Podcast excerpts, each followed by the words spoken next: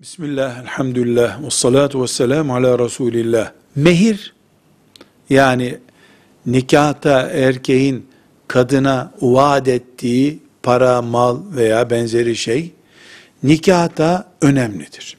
Ama, nikah esnasında yoğunluğa gelir, dalgınlığa gelir de, mehir konuşması unutulursa, mesela kaç para mehir vereceksin sorusu unutulur ve konuşmaz, nikah yapılırsa, sonra bu hatırlanırsa, düğünden sonra, gerdekten sonra, ne zaman olursa olsun hatırlanırsa, mehrin unutulmasının nikahın geçerliliğine bir etkisi yoktur. Nikahımız nikahtır.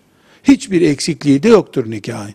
Günahlı bir evlilikte yapılmıştır denemez.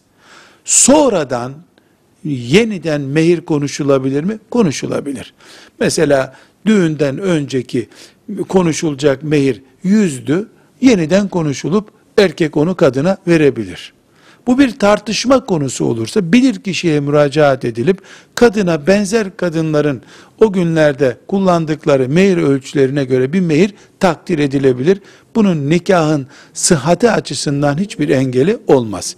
Velhamdülillahi Rabbil Alemin.